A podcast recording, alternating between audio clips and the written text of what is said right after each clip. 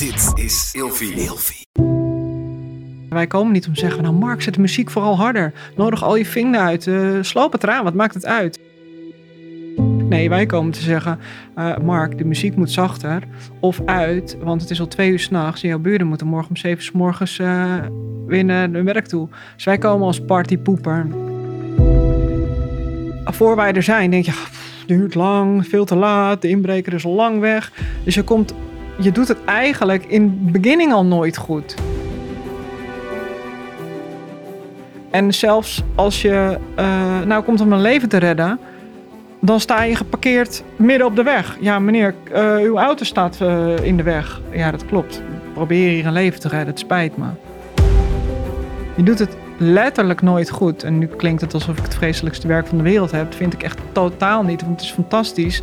Alleen ja, als politieagent zijnde, je bent gewoon niet de held.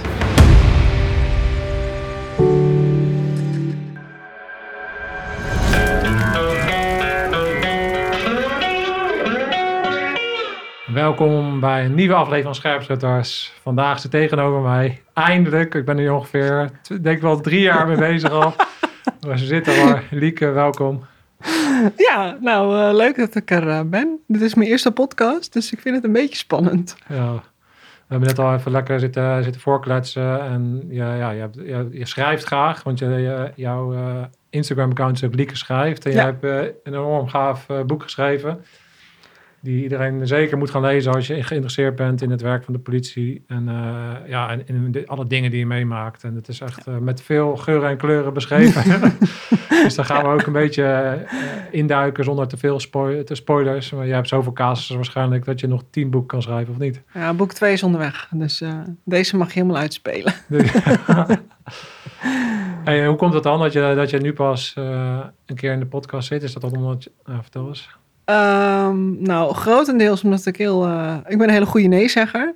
Dus uh, ik vind scherpschutters luister ik zelf echt al heel erg lang. En vind ik inhoudelijk altijd goed, leer ik veel van.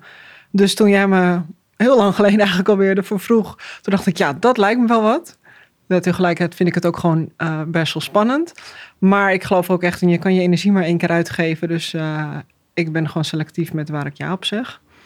En ik vind het ook spannend omdat ik dan denk, oh, straks zeg je domme dingen. Of uh, ja, dus ik vind het gewoon een beetje spannend, maar wel superleuk. En als ik dan ergens dan voor de eerste keer wil zitten, dan voel ik me vereerd dat het hier is. Nou, dat, dat vind ik dan weer een eer dat je dat, uh, dat je dat vindt. En dat je hier dan voor het eerst zit. is uh, heel, heel, erg tof dat je er bent. En je hebt mooie nieuwe stoelen. Dat, werkt, stoelen. dat werkt ook gewoon goed. Het zit voor geen meter, maar het ziet er leuk uit. Nou, ik vind het best wel comfortabel eigenlijk. Ja, ja. ja.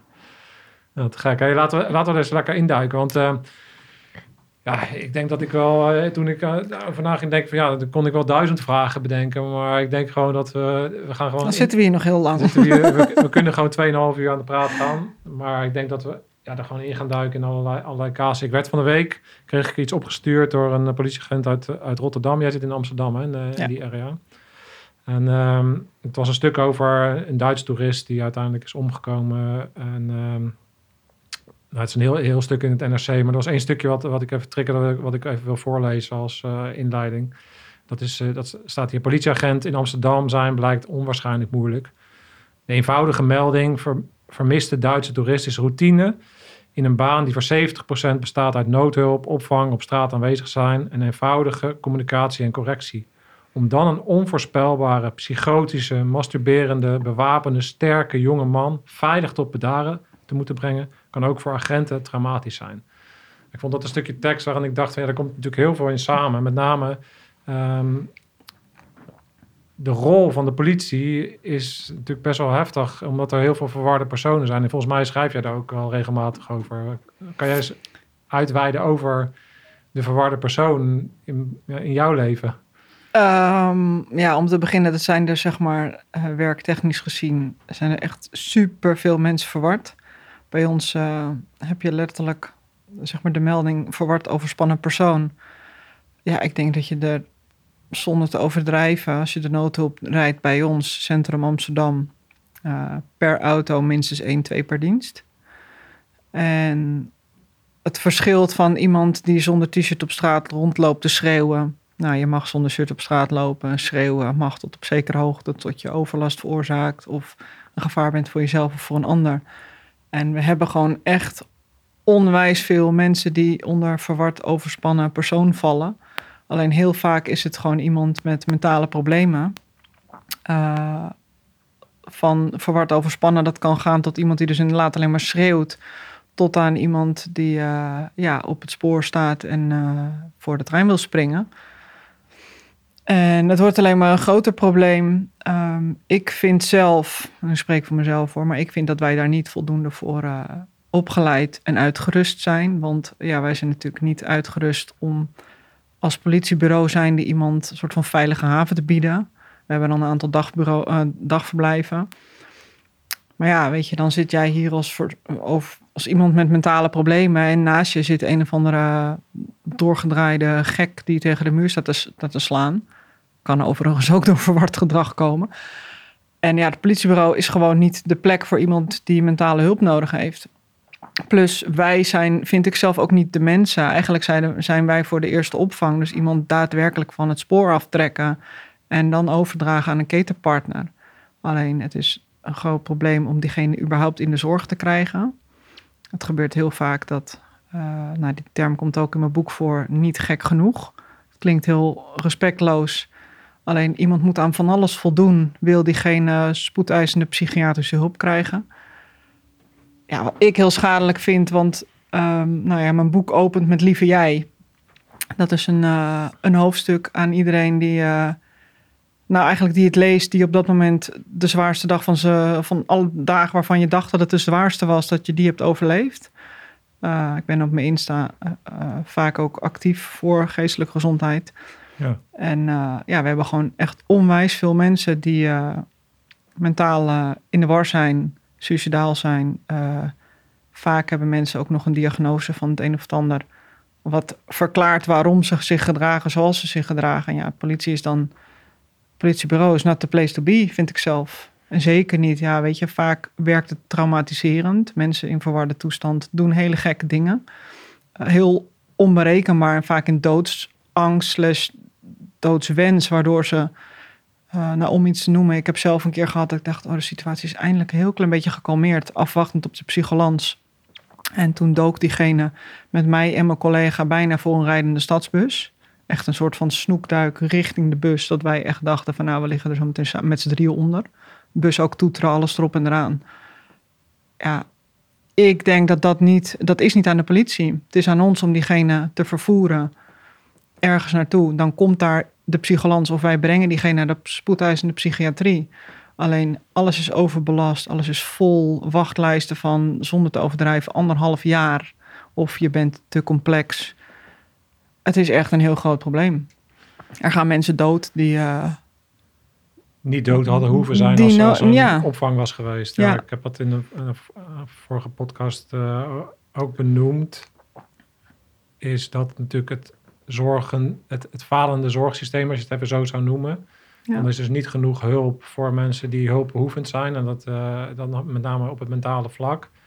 Uiteindelijk merken jullie dat op straat, want jij krijgt daarmee te maken. Jij, ja, je ziet gewoon, frustreert het je als je dan eigenlijk eerst opvang van oké, we hebben gelukkig iemand levend van het spoor afgehaald. Ja.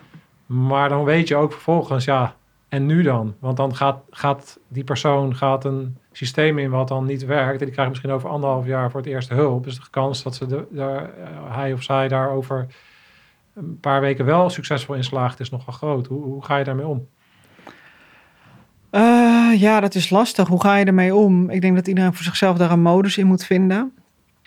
Um, maar of het me frustreert, ja, honderd. Want ja, mijn boek opent er niet voor niets mee.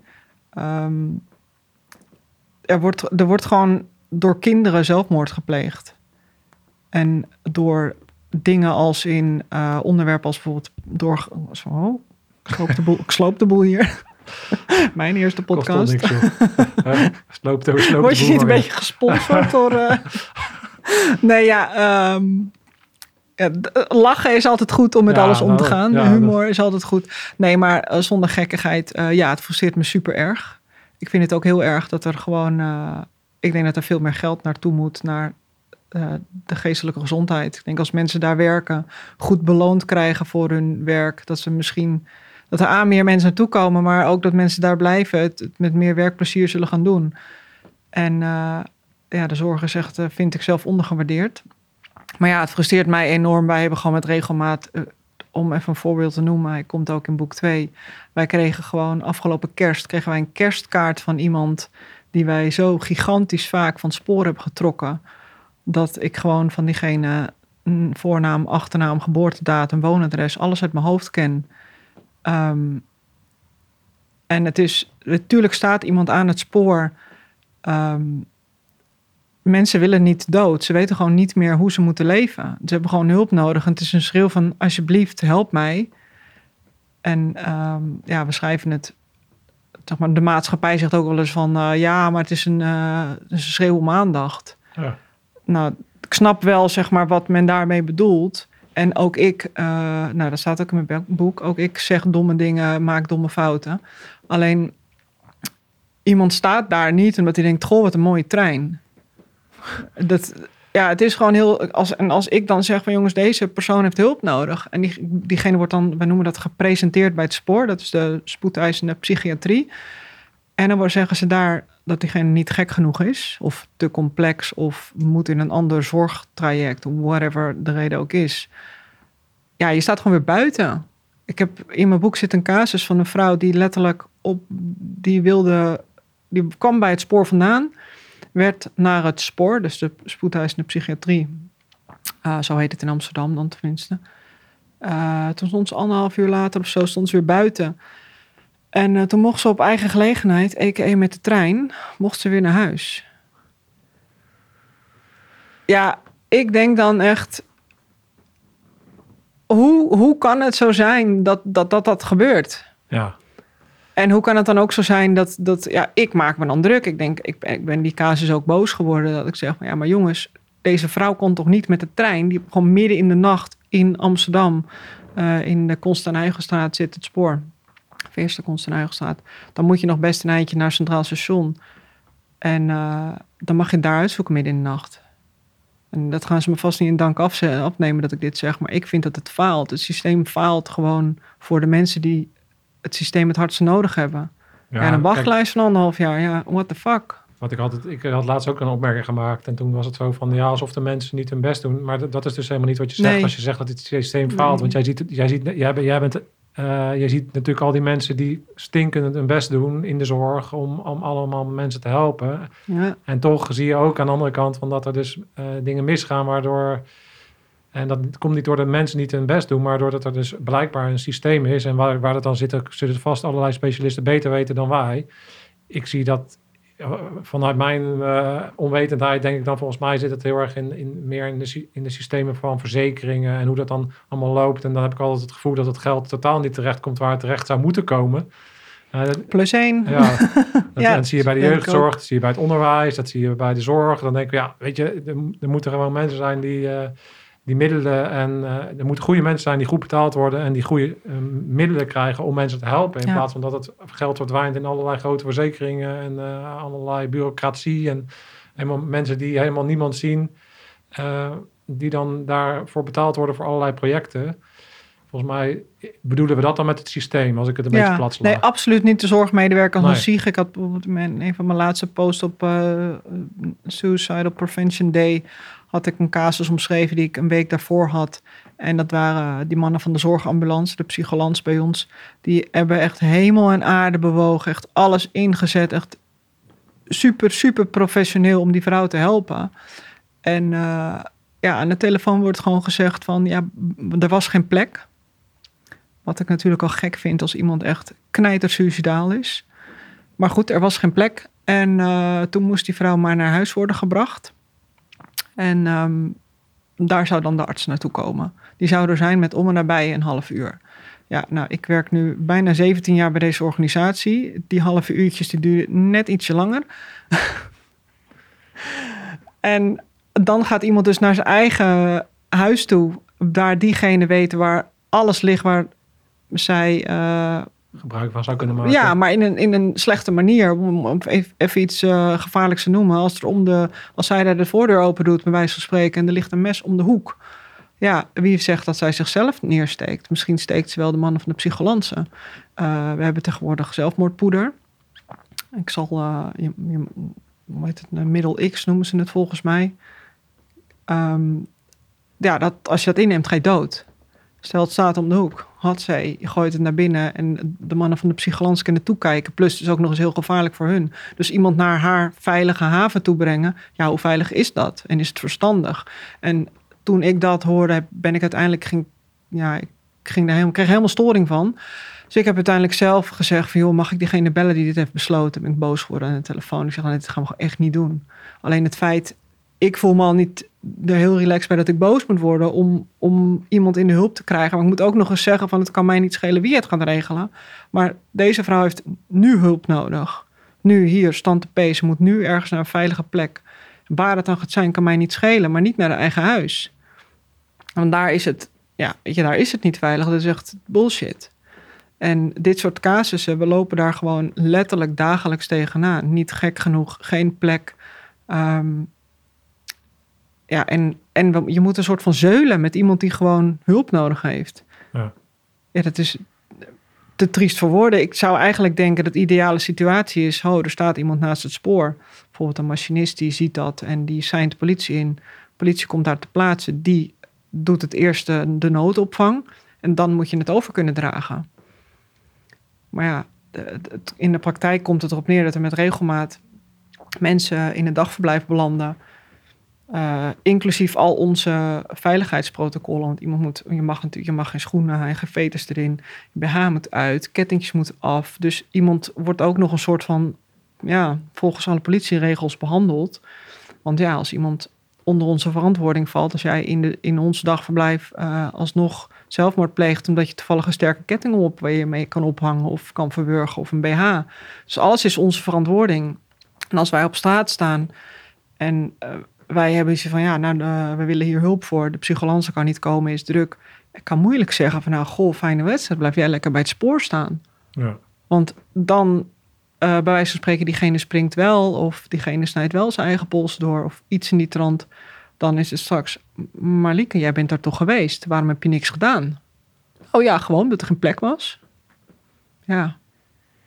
En ik vind het ja, het moet anders, maar ja, hoe dan? Ja, en het ja. ligt niet aan de mensen, het ligt aan het systeem. En ik denk ook een stukje preventie. En ja, Ja. het is heel lastig. Ja, het is, een hele, het is een heel maatschappelijk ding waarop je natuurlijk ook gewoon eh, ziet dat, ehm, dat het vangnet ook misschien wel steeds minder wordt. En dat ligt natuurlijk ook allemaal helemaal buiten. Dus, dus het gewoon een sociale Zeker. vangnet is, zeggen we dus van eh, it takes a whole village to raise a child. En ik denk dat dat, dat dat principe nog steeds geldt. Maar dat als je nu ziet hoe dat allemaal eh, natuurlijk verbrokkeld is in de huidige maatschappij. Ik denk dat, dat, dat er zijn zoveel dingen die je kan aanwijzen waarop het uiteindelijk leidt. En dat doet er in principe niet toe. Uiteindelijk ben jij de politieagent en jullie eh, hebben daarmee te dealen. En, en Ja, en je hebt vooral ook de verantwoording. ja.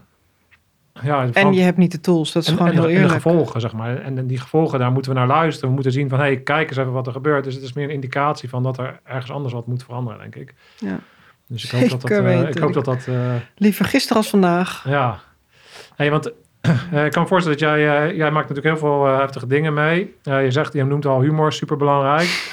En Ja. eh, is, is schrijven voor jou ook een soort therapeutisch? Of is dat gewoon begonnen vanuit de lol? Of hoe, hoe is dat Ehm, begonnen? Ik denk, therapeutisch is, klopt denk ik wel. Het is wel een soort van onbedoeld erbij gekomen. Ik schrijf echt vanaf ongeveer mijn 14. Ik hou gewoon heel erg van schrijven, zowel voor mezelf, zeg maar gewoon offline. En ik heb altijd, ik heb altijd geblogd. Ehm, alleen ik was heel beïnvloedbaar voor eh, wat zelfs de buurmans over, eh, in ieder geval whatever, wat iedereen ervan vond. Als je een mening had, dan vond ik hem super belangrijk. Dus als je tegen mij zei van, nou Liek, wat je nu hebt geschreven, dus echt slecht. Dan haalde ik niet alleen die blog online, maar überhaupt mijn hele online bestaan. Ja, dat is reset. Dat- eh, dat, eh, ja, maar ja, ik kan er nu om lachen. Maar als ik erover terugdenk, dan heb ik me echt van mensen hun mening wat aangetrokken. Waarvan ik nu echt denk van, hier jongens, ik weet niet of jullie kijken. Maar bij deze is die allemaal voor hun. Dus mensen hebben me echt... Ik heb mezelf van die mening aangetrokken. Dat ik gewoon elke keer dacht, oh ja, nee, ik ben inderdaad echt gewoon heel slecht. En op een gegeven moment dan, nou, dan was die blog weer online. Dan schreef ik op een gegeven moment uh, naar Facebook, schreef ik af en toe stukjes dat een aantal uh, van mijn hele lieve mensen om me heen uh, me wel aanmoedigt van blijf nou schrijven alsjeblieft. Ook een aantal collega's die er altijd in hebben gepusht. En uh, nou, dan begon ik weer een blog, maar je raadt het alweer, dan gebeurde er weer wat. en dan haalde ik hem weer offline. En ik wilde echt mijn kleine meisjesdroom als een boek schrijven. En op een gegeven moment kwam uh, online de optie om Punt Amsterdam te kopen.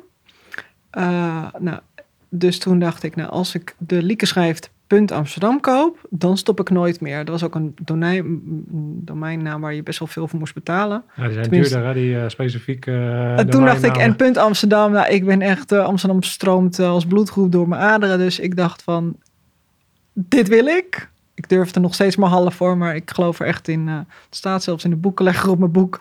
If you can't beat the fear, just do it scared. toen dacht ik van, nou, als ik ervoor ga, dan maar gewoon volle angst vooruit. En dan vind ik het maar eng, maar dan stop ik niet meer. En uh, ja, toen ben ik eigenlijk ook, nou, we zitten hier nu met een bestseller op naam. Dus ik ben niet meer gestopt. En dat kostte. Mensen zeggen wel eens van ja, maar je hebt echt mazzel gehad. Nou, ik kan je vertellen, ik heb helemaal de piep gewerkt. Anders mag je niet meer uitgezonden worden ja, straks. Dan krijgen we YouTube-inkomsten. Ja. Die gaan weer uh, geen advertenties. Want uh, Lieke die heeft... Uh... Die zit te schelden in de podcast. nee, ja, dus ik, uh, ik schrijf mijn hele leven al. Ik ben ook mijn hele leven weer gestopt. Maar één keer vaker weer doorgegaan als dat ik gestopt ben. En ja, ik had op een gegeven moment wel... Ooit zei iemand... volgens mij was het Arie Boomsma... Die op een gegeven moment zei van uh, er zijn altijd mensen die het niet leuk vinden wat je doet. Dus ja, dan als je van die mensen wat aan gaat trekken. En ik had een aantal van die, nou laat ik ze maar slangen noemen, in mijn vrij directe omgeving. Die er allemaal niet in geloven, die met klein praten. Dus ja, dat helpt ook niet. En toen ik dit boek ging schrijven, toen dacht ik, ik ga het gewoon schrijven zonder het iemand te vertellen. Want anders krijgen we de issue van de meningen weer. Dus ik was een heel klein select groepje die het wel wist waarvan er één zelfs toen nog voor elkaar kreeg om nog een opmerking te maken. Waarvan ik echt dacht van diegene, diegene ben ik ook niet meer mee bevriend, heb ik opgezegd. Uh, zelfs die kreeg nog, vond ik zelf bijzonder voor elkaar om er alsnog iets lelijks van te maken. Zeg maar er niet in te geloven of te denken in de beren op de weg. Waarvan ik zelf echt dacht van ik moet het in stilte schrijven, want anders worden de beren op de weg te groot gewoon. Dus ik heb het helemaal in stilte geschreven. Dat was de enige manier om het rauw echt, uh, zonder blauw politiek sausje, uh, met alle gore, slechte, zwarte, morbide humor uh, te schrijven. Nou, dat is wel bijzonder, want jij, jij bent politieagent en jij hebt het gewoon, ja, want jij hebt het geschreven zonder dat iemand het wist. En normaal zit er natuurlijk een bureau communicatie ja. en allemaal mensen gaan allemaal wat van vinden. Want, maar dit is natuurlijk, dus als je echt een puur boek wil lezen over de echte verhalen van ja. politieagenten in, ja, in Amsterdam. Ja, dan is dit natuurlijk. Dat is hem. Dat, dit is hem. Uh. Ja, nou ja, ik, ik, kon het niet anders doen, want ik zat wel heel erg. Ik vond het natuurlijk heel eng, want uh, ik ben wel echt heel erg gek op mijn werk. En uiteraard wil je natuurlijk geen ruzie of iets met je werkgever over zoiets. Wat nu inmiddels trouwens onwijs bijdraagt aan uh, de instroom van nieuwe collega's. Ja. Want, dat, weet je wat ze bij communicatie niet begrijpen? En dat, dat zijn mijn woorden. Dus, dus ik wil niet dat jij ruzie krijgt. Maar ik, nee, heb, ik heb zelf bij een, bij een, ik ben communicatieadviseur geweest in mijn laatste functie. Oh, dus ik was communicatieadviseur van het Korps Mariniers. Dus ik ken die wereld. Ik heb communicatie gestudeerd. Dus ik, ik denk dat ik daar wel wat over mag zeggen. Maar je kan, wat ze nog steeds niet helemaal begrijpen, is dat het gewoon oké is als dingen fout gaan. Dat het oké is als er dingen gebeuren. En dat het oké is om dat te laten zien. En uh, dat, dat, juist als je laat zien wat er allemaal misgaat. En je meer ook laat zien van hey, dit is hoe ik ermee om ben gegaan. Dat het verhaal veel beter overkomt. dan dat je uiteindelijk als, als merk, als je vanuit de merkgedachte praat, ook veel beter overkomt. Ja. In plaats van dat het altijd maar is van een ontkenning of uh, het recht lullen van, van zaken die misgegaan zijn. Of Nee, laat het gewoon zien. Dit is gewoon hoe het, hoe het is. Dit zijn de dingen die je meemaakt. Je bent ook een mens, naast dat je politieagent bent. Je hebt gevoelens, je wordt wel eens geraakt. Je, doet, je gaat wel eens over een, over een grensje heen. Um, en, dan, en, en, dan probeer je daar weer mee om te gaan. En dan continu je morele kompas bij te, bij te schaven. En om te gaan met alle dingen die op, op je afkomen. En ik denk dat het heel uh, onwerkelijk is om een of andere onfeilbare held voor ons te zien als je het hebt over een politieman of over een vrouw of over een eh, militair. Want dat zijn ze niet. Nee. En, eh, maar ze doen, ja, ze, ze doen wel het werk wat wij graag uit willen besteden. Want eh, ja, jij staat er wel als, als, als diegene zich opgehangen heeft. Of al- als je een, moet, een moeder moet gaan vertellen dat haar zoon is overleden. En je staat er wel al- al- als er geweld uitbreekt en je, en, je, en, je, en je ertussen moet gaan staan en je de situatie moet oplossen. En ik vind dat daar de laatste tijd, ook als je allemaal ziet wat mensen er allemaal over schrijven. En ja, je krijgt dat natuurlijk aan de lopende band. Ik, ik post dat laatst ook. Jij reageerde er ook op. Want zodra ik iets over de politie post, Ja. wat een haat er allemaal Ja. naar- voren komt. Dat ik denk, jeetje, mensen kunnen helemaal niet meer differentiëren tussen, hey, ehm, tussen de overheid en wa- wat ze allemaal wantrouwen naar ja, lieken die daar me- eh je stinken bent- de best aan Je bent doen. online zichtbaar. Dat je moet, tenminste, ik zie het echt zo. Als jij boos bent omdat mijn collega jou een rood lichtbon heeft geschreven, bij wijze van spreken. Ja. Eh, ik denk dan altijd zelf, hoe vaak ben jij door rood gereden voor je die bon hebt gekregen? Want waarschijnlijk ben je tien keer door rood gereden en de elfde keer heb je hem gekregen en dan is de wereld te klein, zeg maar. Maar het is gewoon heel makkelijk om de, de mensen die van een organisatie online zichtbaar zijn. Nou, noem bijvoorbeeld een Kim van Jan Willem of eh, nou, Niels vast ook met zijn podcast. Dat als je met je, met je politiehoofd, zeg maar, want ik deel natuurlijk privé en werk een beetje een mixje. Maar het is gewoon heel makkelijk om te denken van, nou, dat heeft een uniform aan, ik slacht het online helemaal af. Het is gewoon te makkelijk, want ja, je hebt allemaal van die toetsenbordridders. Ik bedoel, eh, zeggen dat je eh, morgen over me heen gaat rijden, dat is super makkelijk.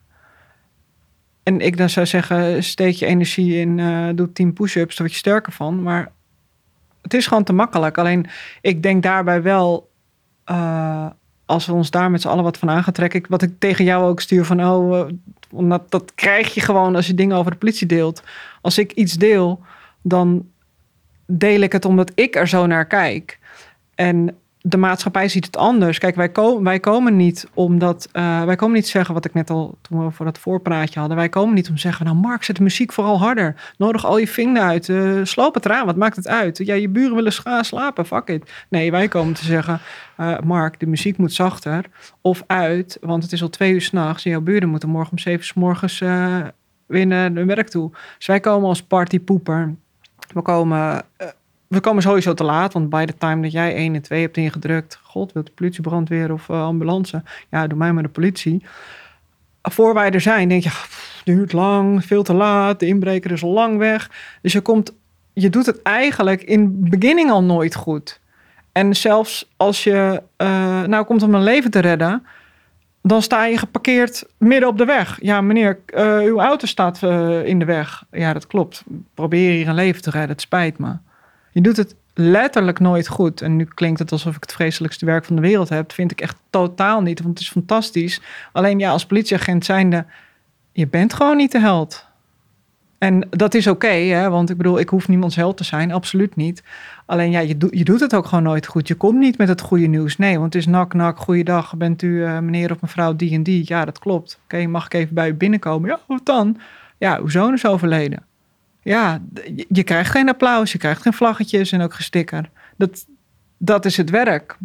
Dus ik denk dat er maar heel weinig mensen zijn die, die, eh, die misschien de zwaarte van het werk zien of de dingen die we wel goed doen.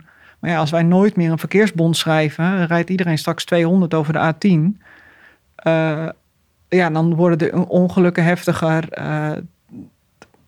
ja, Ja. Je, je, je, je kan ja, niet. Kijk, weet je, ik zeg wel eens, op een gegeven moment, wij gingen staken voor betere CAO. Maar eigenlijk kunnen we niet staken. Ja, we kunnen inderdaad stoppen met bonden schrijven. Maar ja, voor de rest kan ik niet zeggen van ja, god, eh, er is hier net bij me ingebroken. En eh, die man, eh, dat heb ik letterlijk meegemaakt tijdens de stakingen. De inbreker die had zichzelf opgesloten op het toilet. Omdat de bewoner, dat was een iets te stoere grote man.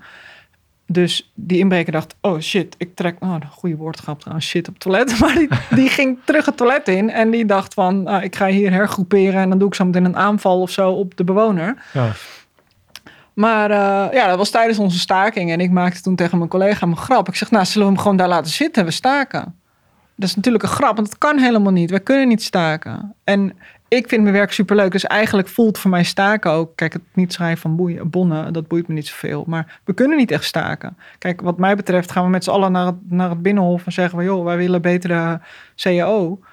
Alleen dat kan ook maar een beperkt aantal collega's doen. Want ik bedoel, als jij 1 en 2 belt, kunnen we moeilijk zeggen: hoi, dit is 1 en 2, maar we zijn momenteel even aan het staken. Fijne wedstrijd met je melding. Kan niet. Dus ja, het is. eh, Ja. je doet het eigenlijk nooit helemaal goed, denk ik. En zo ervaar ik het overigens niet. Maar ik weet wel zo dat. Ja, men ziet dat wel zo. Jij komt niet om, om aan te moedigen om het feestje door te zetten. Of om te zeggen: Goh, rij vooral 200 waar je. Nee. veel, 120 mag. Dus ja, de haat die blijft denk ik gewoon komen, hoort erbij. Het hoort erbij. Nou, ja, jij bent dus online zichtbaar. En je bent politieagenten. Dus je krijgt... eh, het is wel grappig als ik er nu over nadenk. Want je bent op je veertiende begonnen met schrijven. En toen maakte je heel druk om, om meningen. En dan hoe ik jou... Ja, nu Ja. niet meer. Ja, nu, als, je, als ik jou nu hoor praten over de dingen die jij over je heen krijgt. Ik ben natuurlijk ook zichtbaar. Maar dan ben ik... Ja, dat is voor mij echt peanuts ten opzichte van alle dingen die jij eh, krijgt. Jij wordt bedreigd. Jij krijgt eh, eh, vieze filmpjes van, eh, van, van mannen. Ja. Eh, we- weet je, er, staan mensen voor, er hebben mensen voor je deur gestaan en van alles. Ja.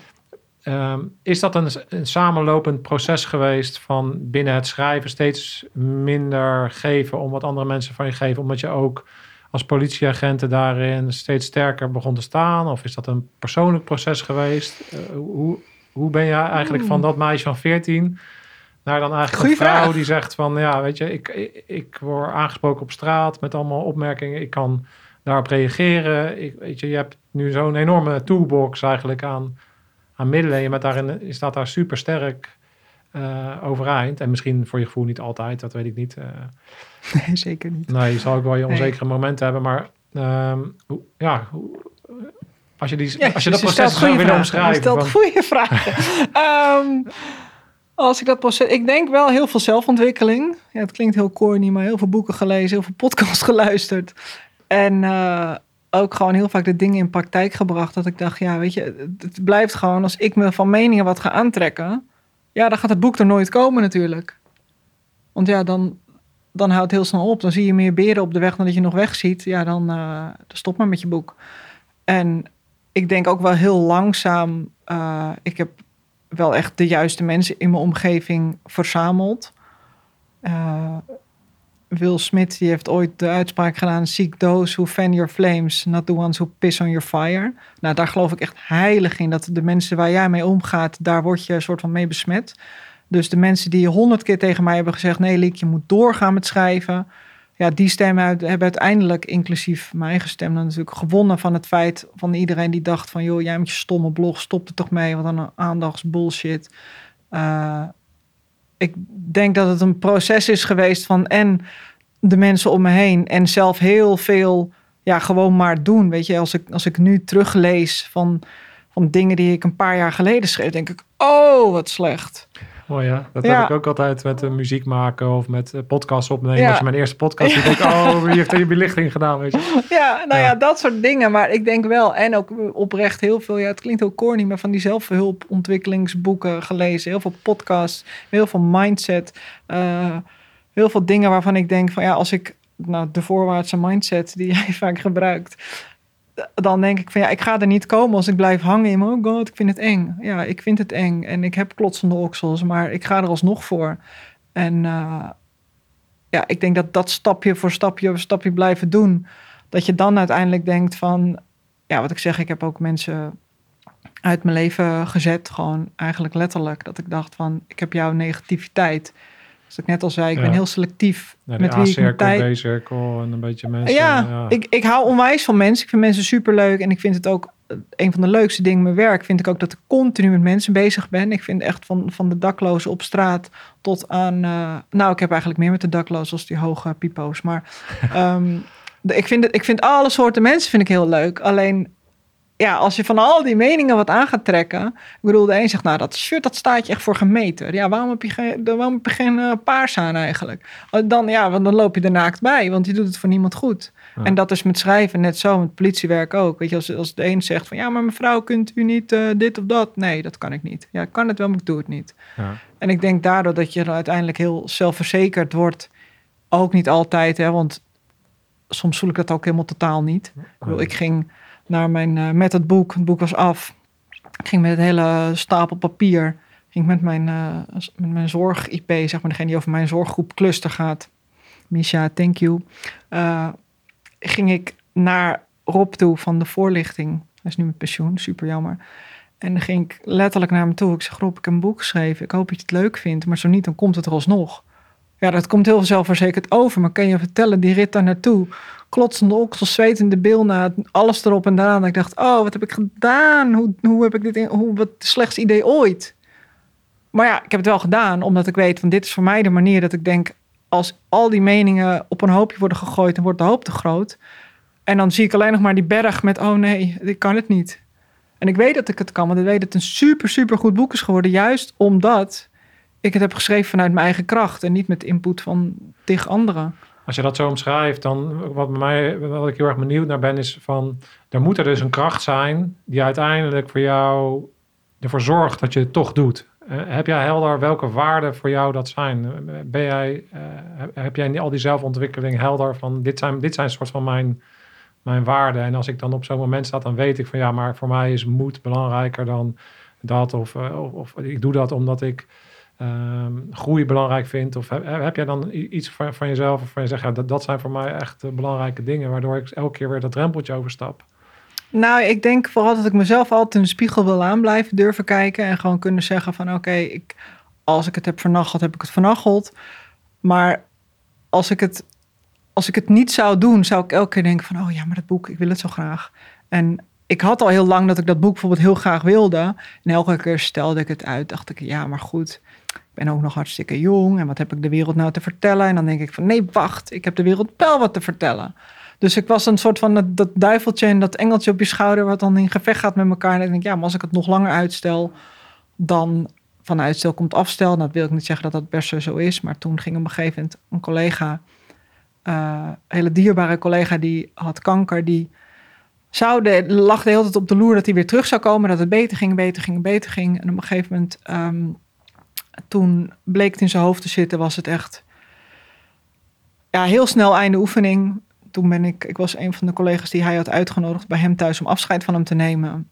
En hij had ook gezegd, Liek, in godsnaam verander niet. Blijf wie je bent en schrijf dat boek. Doe het, je kan het. En, en toen dacht ik ook, ik denk, weet je, het leven is ook maar heel kort. En ik denk altijd met heel veel dingen die ik dan heel graag wil doen. We zitten, wij als mens zitten volgens mij zo in elkaar dat we denken, ja, we willen het wel.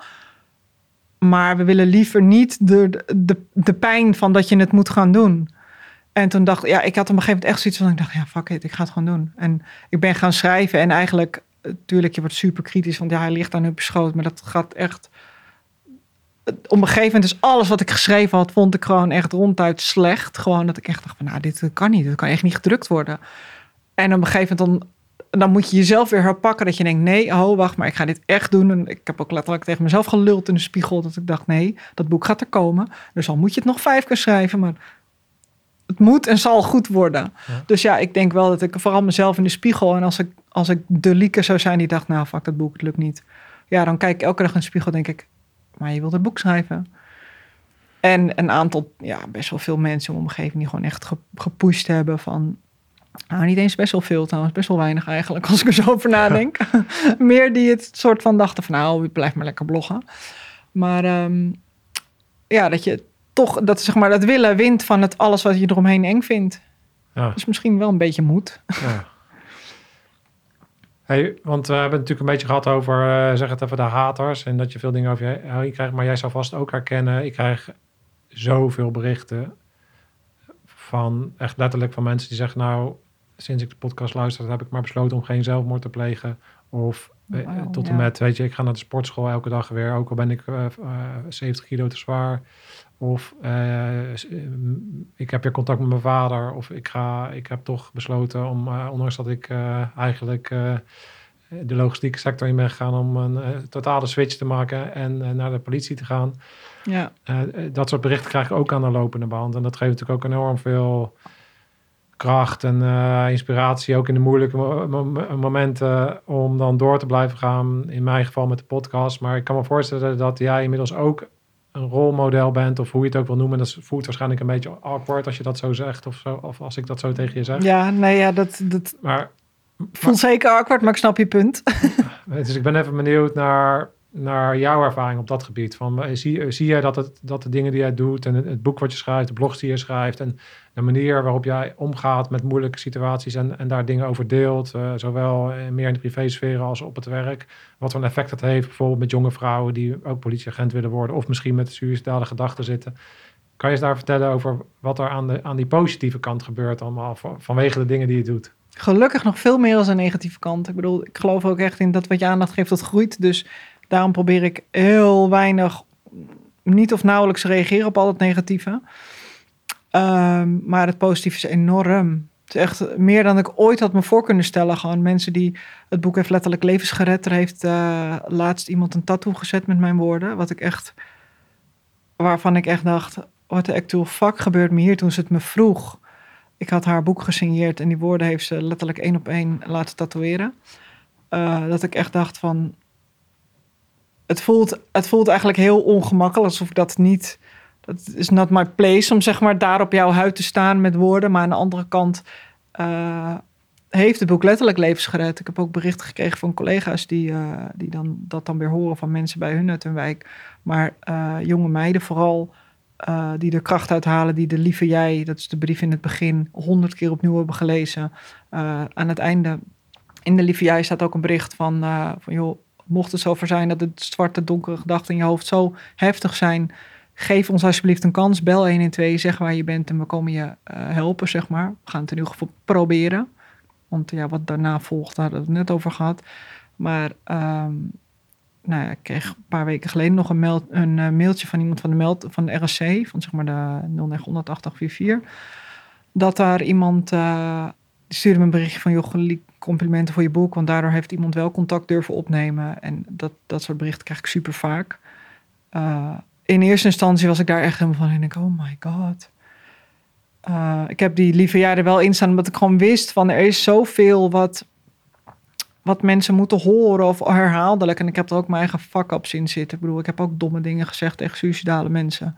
Eh, dus ja, er zit een, er zit een hele... Wat, wat dan? nee, Eh, nou, ik, heb, ik heb bijvoorbeeld wel gelogen tegen mensen over dingen. Wat wel ja, gewoon eh, om het voor mezelf iets makkelijker te maken. Zeg maar dat ik dacht, nou, als ik de waarheid een klein beetje verdraai, dan luistert diegene misschien wel naar me.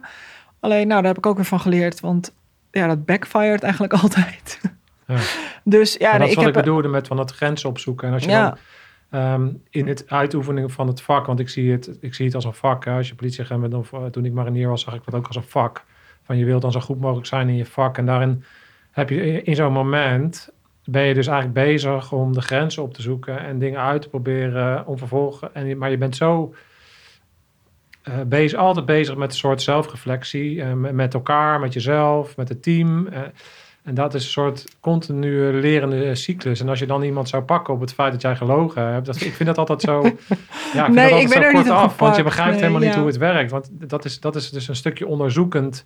Waarop Ja. je kijkt oké, maar als ik dit dan doe, misschien dat het dan wel een beter effect heeft. En uiteindelijk eh, kom jij dus tot de conclusie van ja, dat, dat werkt dus niet. Dus dan, dat neem je dan weer mee. En de volgende keer denk je twee keer na. Ja. En- ja toch? Ja, nou ja, je ik dat? leer ook oprecht heel veel van al die jongens en meiden waar ik dus online af en toe contact mee heb.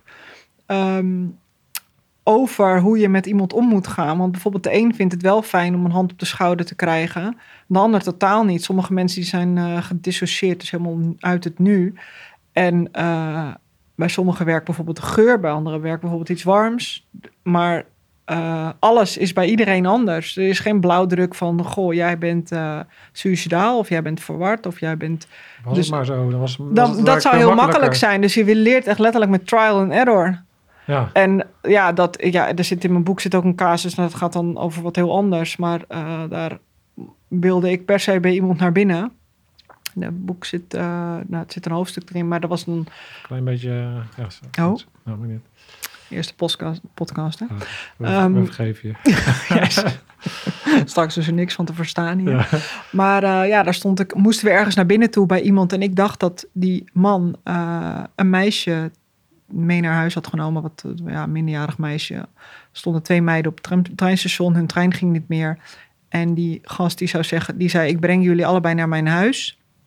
Dan, eh, dat, die woonde vlakbij een ander treinstation. Dan kan ik over een paar uur gaat de eerste trein, breng ik jullie daarheen. Het eerste meisje heeft hij opgehaald. Toen hij terugkwam was het tweede meisje daar niet meer.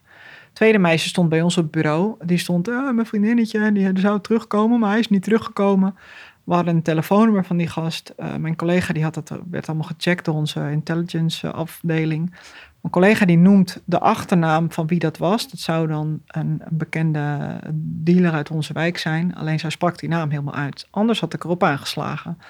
Maar het enige wat ik dacht is... er is een of andere gek met een zedenantecedent op naam... is met een jong meisje in zijn woning. En we hadden zijn, via zijn telefoonnummer hadden via hun het adres gekregen... En ik dacht echt, er is geen minuut te verliezen. Dus mijn, eh, de meldkamer die zei, ja, we gaan iemand die kant op sturen. Maar ik wist dat in dat gedeelte van die stad, er was van alles nog het gaan. Volgens mij een schietpartij, een steekpartij. Dus er waren niet zoveel eenheden. Personeelsgebrek, kom bij de politie. maar, eh, dus toen dacht ik van, nee, ja, daar heb ik geen tijd voor. Dus ik zei tegen haar, ik zeg, ik pak die bus. Ik kan mij niet schelen of jij meegaat, maar ik ga er nu heen. Weet je, dat was, dat was nog niet... Het was allemaal, zeg maar, strafrechtelijk nog een beetje discutabel... of ik allemaal kon gaan doen wat ik ging doen. Nou, ik vol gas, wel met haar naast me. Want zij zat naast me nog, was chef van dienst. Zij zat alles naast me in de bus te regelen. Dus zij wordt de hele bus doorgeslingerd door mijn... Uh, niet zulke, niet zulke chique rijkunsten. Wij komen daar aan, er hangt iemand uit het raam, die is een peukend roken. Dus ik zeg, doe je deur open. Maar helemaal totaal niet meer politie, niet zeg maar, als je het politietechnisch had gezien, dat je denkt, wat staat er van viswijf voor de deur. Dus die gast ziet het waarschijnlijk ziet van, oké, ik doe de deur wel open. Ze had de deur open gedaan, die huisnummering was totaal onlogisch. Dus ik ren over die gangen, dat huisnummer gevonden. En uh, nou, normaal zou je denken, we bellen even aan. Nou, dat deed ik niet. Het was voor mij echt bang, bang, bang op die deur. Echt niet oké. Als je, dus ik nu vertel, denk ja, dat had echt heel anders gekund. Daarna pas aanbellen, tien keer achter elkaar. Toen ging de deur open. Toen zag ik daar, ik noem hem in mijn boek Abdel. Ik zag daar Abdel staan en ik denk, dat, dat klopt niet. Abdel zou dit niet doen. Dus die deur open. En ik dacht, was helemaal verward. Dat ik dacht, what the fuck? Dus ik zeg, is hier een meisje? Ja, er is hier een meisje. Ik zeg, dus ik had hem echt een soort van aan de kant ge, gesleurd, zijn eigen woning door. Dat meisje overgedragen, mijn collega op de gang. En ik ik heb hem letterlijk bedreigd. Er stond een messenblok op, de, op het aanrecht. Ik zeg, als er hier iets gebeurt, is tegen me liegt. Ik steek al die messen in je rug. En het was eruit dat ik dacht, ik oh shit, wat heb ik gezegd? Maar ja, het kwam echt, ik was zo, ik denk, als hij daar heeft verkracht of heeft aangerand of whatever met haar heeft gedaan, ik word lijp. Toen dacht ik ook, nou, dit is totaal, ja, je voelt natuurlijk wel, ik denk, oké, dit was niet professioneel. Ik heb het wel gedaan. En uh, als ik hem nu tegenkom, hebben we het er nog over. Ik heb later ook nog een blog over geschreven. Want hij zou me bij mijn naam moeten noemen. Dan was ik nu een bekende crimineel geweest. maar ja, dat was ook zoiets dat ik denk, ja, was het handig? Heb ik het gedaan zoals het moest? Nee, niet helemaal. Het was overigens niet onrechtmatig. Maar goed, tegen iemand zeggen dat je al die messen in zijn rug gaat steken en zo. Dat, dat, ja, dat kan natuurlijk niet. Heb ik wel gedaan. En um, uiteindelijk hebben we het er ook over gehad. Van joh, ik had dat niet moeten doen. Maar ja, je zou het hoofdstuk moeten lezen. Het heet volgens mij meteen een voicemail, heet het hoofdstuk. Meteen de voicemail. En uh, ja, het liep allemaal zo dat ik achteraf nadenk. Ik denk, oeh, had ik dit allemaal wel op deze manier moeten doen? Maar ja, in mijn hoofd werd er daar voor mijn gevoel eigenlijk al iemand verkracht of aangerand. En het bleek allemaal anders te zitten. Gelukkig had hij alleen maar goede intenties en uh, is er niks gebeurd. Hij had ook niet goed nagedacht overigens over de hele situatie. Maar uh, ja, en als je daar nu over nadenkt, denk ik, ja, nee, ja, ik heb echt de blauwe lijn uh, gebalanceerd en daarbuiten en weer terug en gedacht, oeh, dat was niet handig. Maar ja, ik heb het wel opgeschreven omdat dat ook politiewerk is. Ja. Wat jij ook zegt, van ja, je, je doet het niet altijd goed. Nee, ja, dan kan je eh, net doen alsof je dat allemaal niet hebt gezegd. Maar ja. het feit dat jij dit zo open en eerlijk uh, vertelt en daarin verantwoordelijkheid neemt voor de dingen die je doet, ja, dan kan je toch. Ik, ja. ik kan daar in ieder geval alleen maar bewondering voor hebben. En um, dat geeft ook aan, dat, dat, geeft natuurlijk ook aan het type um, politieagenten dat je bent. Je bent natuurlijk ook, ja, je bent ook gedreven en gepassioneerd in de dingen die je, die je doet, denk ik, op zo'n manier. Want, ja, iets te gepassioneerd op het moment. Soms wel, maar, maar, maar is zo'n zaak dan met minder mij, raakt dat je meer dan andere zaken? Als ja, het zeker. Om, om, een meisje gaat, een minderjarig meisje of zo, dan dat, dat, dat, zit, dat, zit ja. dat dan precies daar waarop je dus nou ja, ja, ja, er zit, ik heb gewoon een heleboel dingen waarvan ik, het een vind ik gewoon ja, dat is misschien gek. Dat mag natuurlijk bijvoorbeeld allemaal niet. Maar het een vind ik gewoon erger dan het ander. Ja, Kijk, als jij honger hebt... mens, is- zeg maar. Ja, ik ben eigenlijk net een mens. Schijnt. Ja. Maar mag niet als politieagent. Dan mag je Nee. geen mens zijn. Nee. Maar ehm, nee, ja, als jij eh, bij, bij de supermarkt eten steelt... want jij hebt niet te eten in deze financieel zware tijden... ja, heel eerlijk. Mij persoonlijk, ja, ik snap het. Ik snap het helemaal.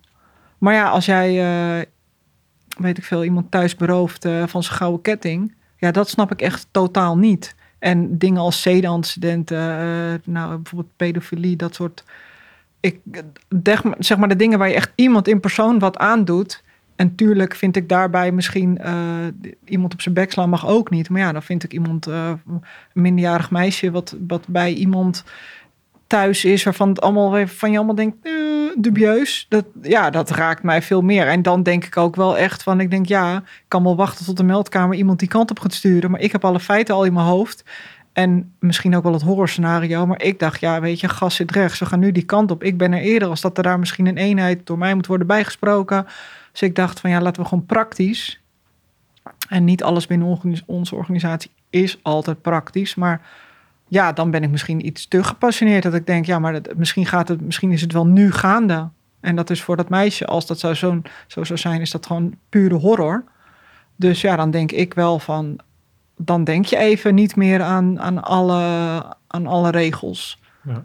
En of dat ja, gepassioneerd, ja, het een vind je gewoon veel erger dan het ander. Dat, ja, als de rood rijdt, ja, als je dat uiteraard eh, niet iemand bij beschadigt. Maar Ja, en niet dronken ben. Of, eh, ja, precies. Tot op zekere hoogte. Niet dat iedereen nu denkt van nou, Van Lieke mag de rood rijden. Nee, ja, dan ga dat lekker, is niet wat ik ik ga bedoel. lekker gratis shoppen eh, voortaan. Nee. Hey, want jij hebt, jij hebt hier ook een, eh, een casus in Sa- Santango Mido. wat Spaans is, ik ben, ik ben bang. Ja. Want je, je beschrijft net, net een casus die dan ja, eigenlijk met een sis afloopt... en waarop je achteraf een beetje moet lachen om je eigen gedrag. Maar volgens mij gaat deze casus over eh, toch wel huiselijk eh, geweld. Ja, dit is een van de huiselijk geweldcasussen die me het meest heeft aangegrepen. Niet degene met het meeste geweld. Ik heb zeg maar qua fysiek letsel. Deze vrouw was wel ook echt zwaar gewond. Maar eh, de angst van die vrouw om weg te gaan. Alles wat er tegen hield. En dan toch mee te gaan. Uiteindelijk, ik heb het ook omschreven. Uiteindelijk gaan we haar woning uit. En het was net. Ik heb gelukkig, gelukkig nooit in mijn leven oorlog meegemaakt. Maar het was net alsof we de woning uitgingen, eh, rennend, terwijl de bommen ons om de oren vlogen. Ik heb dat uiteraard niet meegemaakt, waarschijnlijk zit het totaal verkeerde referentie. Maar zij was zo gigantisch bang dat ze echt onder mijn oksel kroop. Rennend naar de bus, bang dat hij haar ging zien. En bij, bij, bij alles was zo bang dat, dat, dat je rook de angst, je zag de angst. En Oh, sorry. ik zit weer scheef. Dat was echt. ehm, ik, dat maakte voor mij heel veel impact. En ook elke keer het, het, het moeten overtuigen. Want we bespraken een combinatie van eh, Nederlands, Spaans, eh, Engels. En eh, nou, we zouden eigenlijk een Arabische tolk moeten bellen. Maar dat, dat zat alleen maar het goede contact in de weg uiteindelijk. Maar het kostte echt alles wat we in ons hadden. We hebben echt een dubbele dienst gedraaid om die vrouw in de, eh, in de veilig thuis, eh, of de blijfgroep, zeg maar, de vrouwenopvang te krijgen. En ehm, het, dat was gewoon, ja, het maakte heel veel, ik weet niet zo goed hoe ik moet omschrijven, maar het maakte heel veel impact, omdat zij, zij was zo emotioneel, vooral ook gewoon, ja, gewoon mishandeld, dat ze niet weg durfde. En ja, ik heb best een lang contact met haar gehouden. Want toen ze in de vrouwenopvang zat, is ze uiteindelijk toch nog één keer teruggegaan naar die vent. Uiteindelijk kwamen er weer collega's ter plaatse. Die zagen mijn hele uitgebreide verbaal van, eh, van mij en mijn collega. Eh, en toen, die hebben toen mij gebeld. Ik heb toen nog met haar contact gehad. Ik zei van, joh, eh, ook deze collega's kan je vertrouwen. Want dat was een hele issue, de vertrouwensissue. Zeg, ga met ze mee. We gaan gewoon dat hele traject weer opnieuw. Alles weer opnieuw, dat je wederom de opvang in, kan.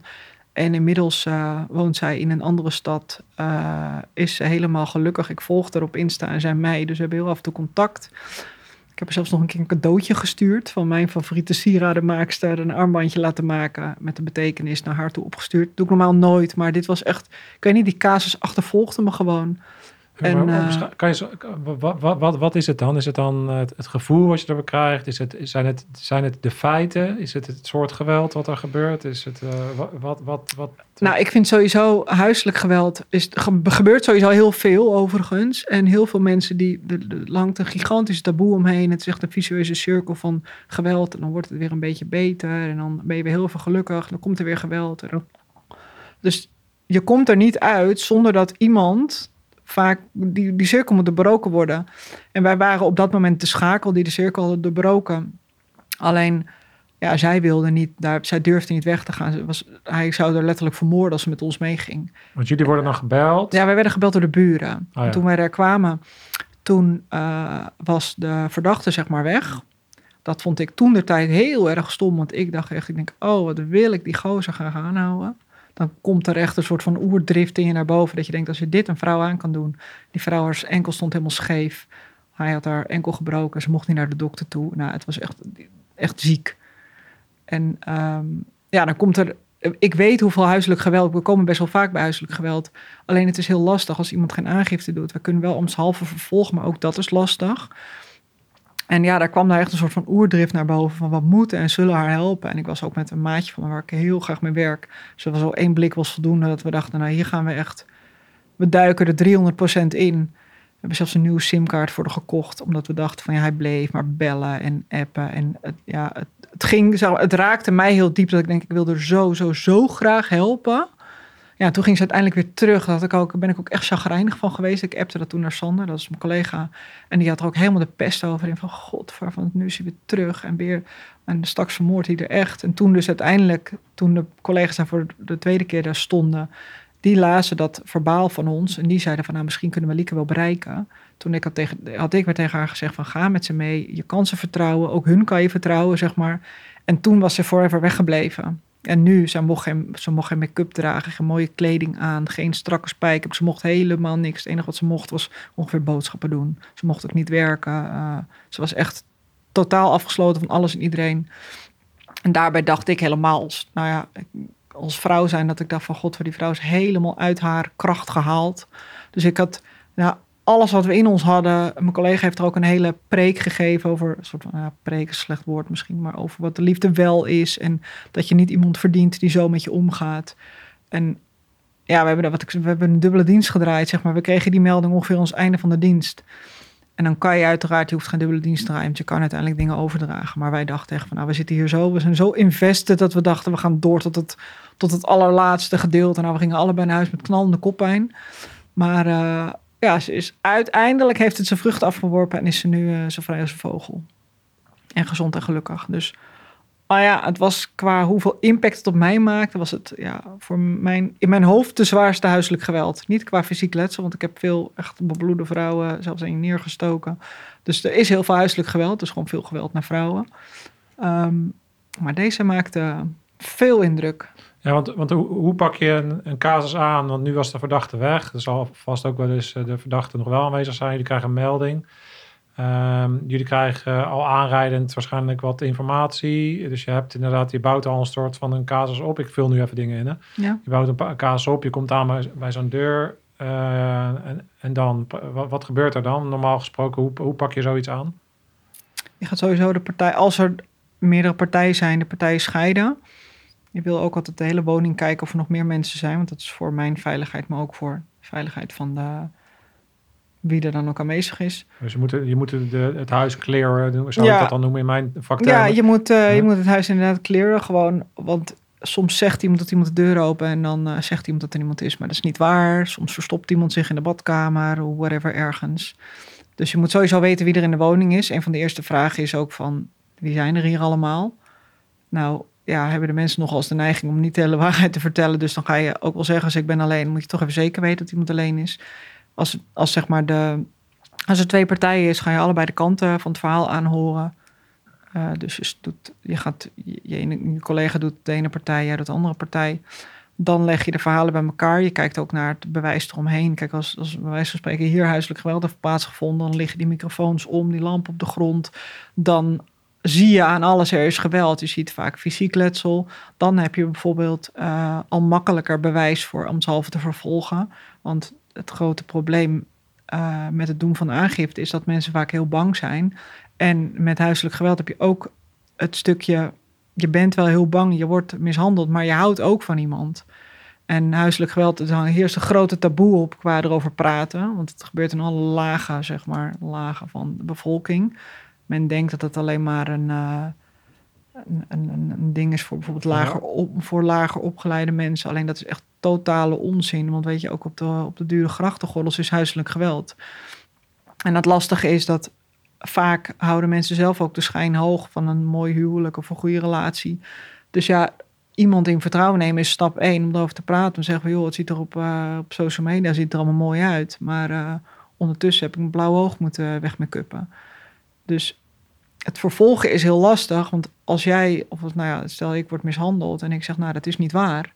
Er is hier niks aan de hand. Ja, we hebben wel ruzie gehad, dat klopt. En ik ben heel erg boos. Ik heb die lamp omgegooid. Ja, dan sta je er als politieagent.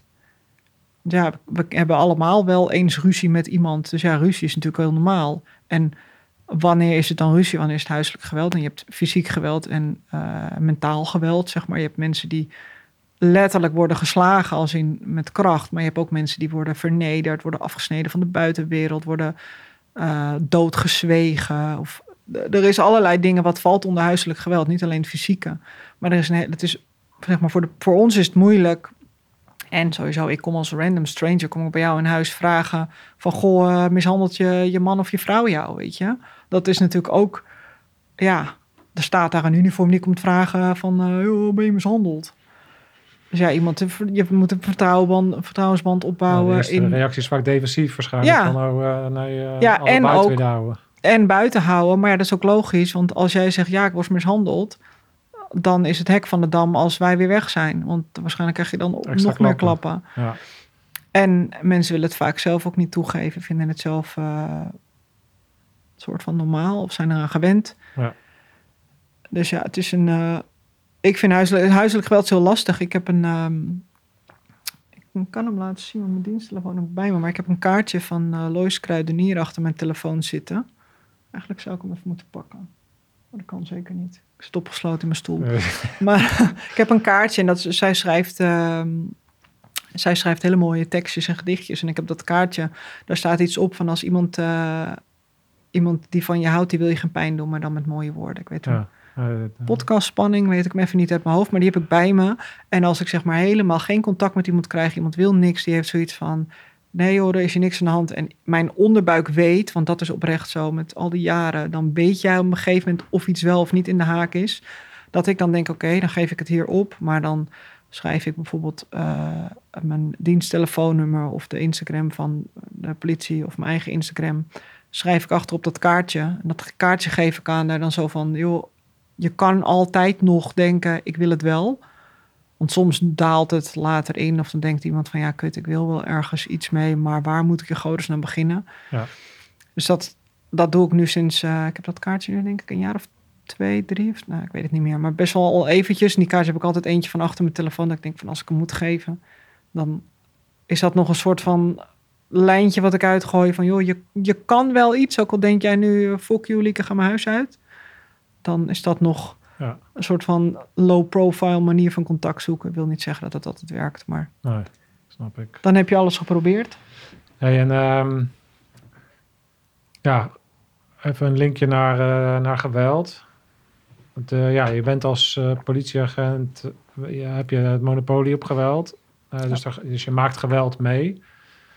Um, wat is jouw relatie met geweld? Hoe kijk je naar geweld? En, en heb jij wel zelf geweld meegemaakt? Of is er wel eens geweld tegen jou gebruikt? En, ja. ja. hoe, Wil je de bijtwond zien op mijn kuit? bijtwond zelfs. Eer, die was van vorig jaar. Ja, lekker. Ja, van een mens. Echt fijn. Nee, ja, ja we maken geweld. We gebruiken geweld, we maken geweld mee. Uh, mijn, ja, hoe ik er naar kijk, ja, ik denk dat het wel nodig is. Uh, soms, uiteraard. Dat wil niet zeggen dat je opstaat en denkt... oh, vandaag ga ik eens even lekker geweld gebruiken. Um, dat niet. Maar ja, het is wel... je hebt de geweldsmonopolie... dus je moet erin getraind, in geoefend... en zelfverzekerd in zijn dat je denkt... nou, als ik het moet gebruiken, kan ik het gebruiken. Uh, daar geloof ik ook wel echt in. Uh, ik vind wel dat wij meer training mogen krijgen, meer, meer oefenen. Dat, dat zeker. Want Ja, dat de- eigenlijk alle politieagenten. ja, ja. Letterlijk alle Ja, maar je hebt ook echt maar weinig, vind ik zelf, qua sommige dingen. We draaien met die trainingen draaien we dan casussen. Maar de wereld verandert ook. Dus je moet je casussen wel aanpassen naar. Ik bedoel, de Lieke die bijna 17 jaar geleden bij de politie kwam, die heeft in 17 jaar de wereld zien verharden. En die heeft dan ook behoefte aan andere manieren van, van trainen. Maar op een gegeven moment hadden we het mesprogramma. Nou, dat staat me nog bij als gisteren. Dat is echt al jaren geleden. Maar dat was dan een mes. eh, je had dan een mes van zo'n stroomstootmes. Dus als je daarmee geraakt werd, dan dacht je... Dus dan was je ook daadwerkelijk bang om gestoken te worden. Want ja, het was een soort van tasermes. Ja. Of ja, ik weet niet hoe je dat noemt. Maar... En je had een... Zo'n eh, stressvest volgens mij. Hè? Zo'n, eh, Nee, je had wel gewoon... Ja, ik kwam wel echt gewoon...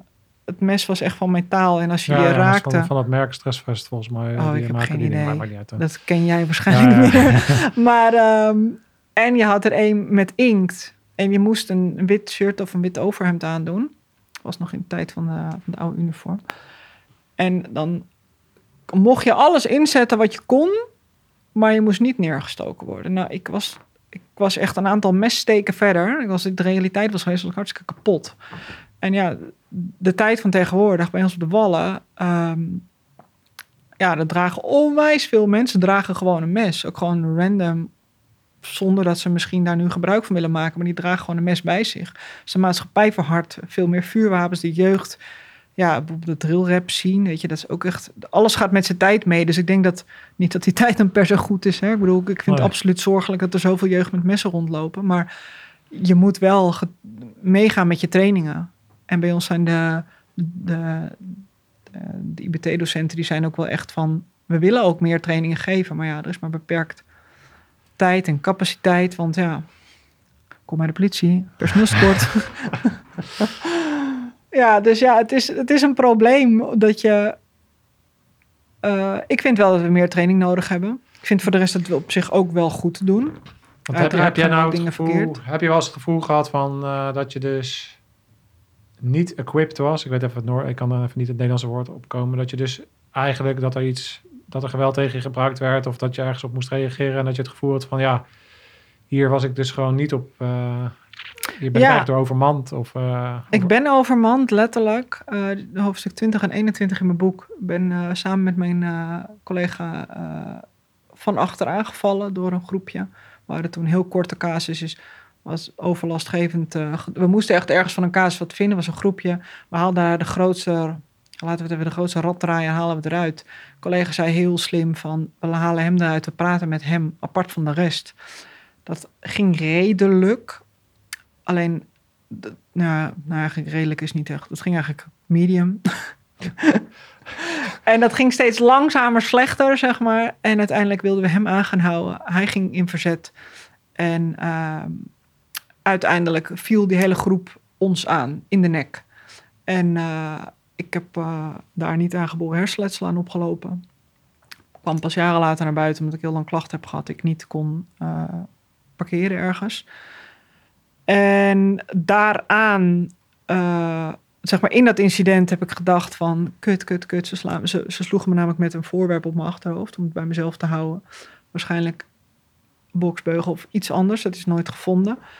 Alleen, ik heb me zo... Nou ja, de mensen, de mensen die kijken, die, kunnen het zien. zien. Maar Ja. voor de mensen die luisteren, ik heb met mijn, mijn armen om mijn achterhoofd, heb ik voorover gebukt, eh, gedacht. Want het enige wat ik niet moet doen is op de grond terechtkomen en knock-out. Want dan schop en slaan ze me dood. Eh, dus ik heb gedacht van shit, shit, shit, ik wil eigenlijk schieten. Gewoon in noodweer schieten. Ehm, alleen ja, schieten in noodweer. Ik bedoel, als ik zo moet gaan schieten, moet ik één hand naar mijn vuurwapen. Ja, dan mis ik dekking in mijn nek. En dan ga je, denk je aan schieten. Maar ja, waar ga je op schieten? Want voor hetzelfde schiet je op een omstander of op mijn maatje op dat moment. Dat wil je ook niet. En mijn angst was ook nog, als ik schiet met zoveel stress, kan het zomaar zijn dat ik, dat ik in die beweging misschien wel mezelf nog eh, verwond. Dat ging allemaal door je heen. in Dat ging allemaal second. door me heen Ja. in een split second. Dus ik heb ervoor gekozen. Ik denk, ja, dat, dat, dat wapen, dat gaat hem niet worden. Ja, mijn pepperspray, kijk, ik, dat werd hem ook niet. Uiteindelijk heb mijn collega wel gepepperd eh, van een wegrennende verdachte. En uiteindelijk ben ik met mijn wapenstok omheen gaan roeien. In de hoop maar, god mag weten wat, één van hun te raken. Ehm, dus daar, daar miste ik, ik weet niet wat ik daar miste. Sowieso eh, miste ik collega's om me te helpen. Die kwamen uiteraard allemaal later wel eh, heel snel goed te plaatsen.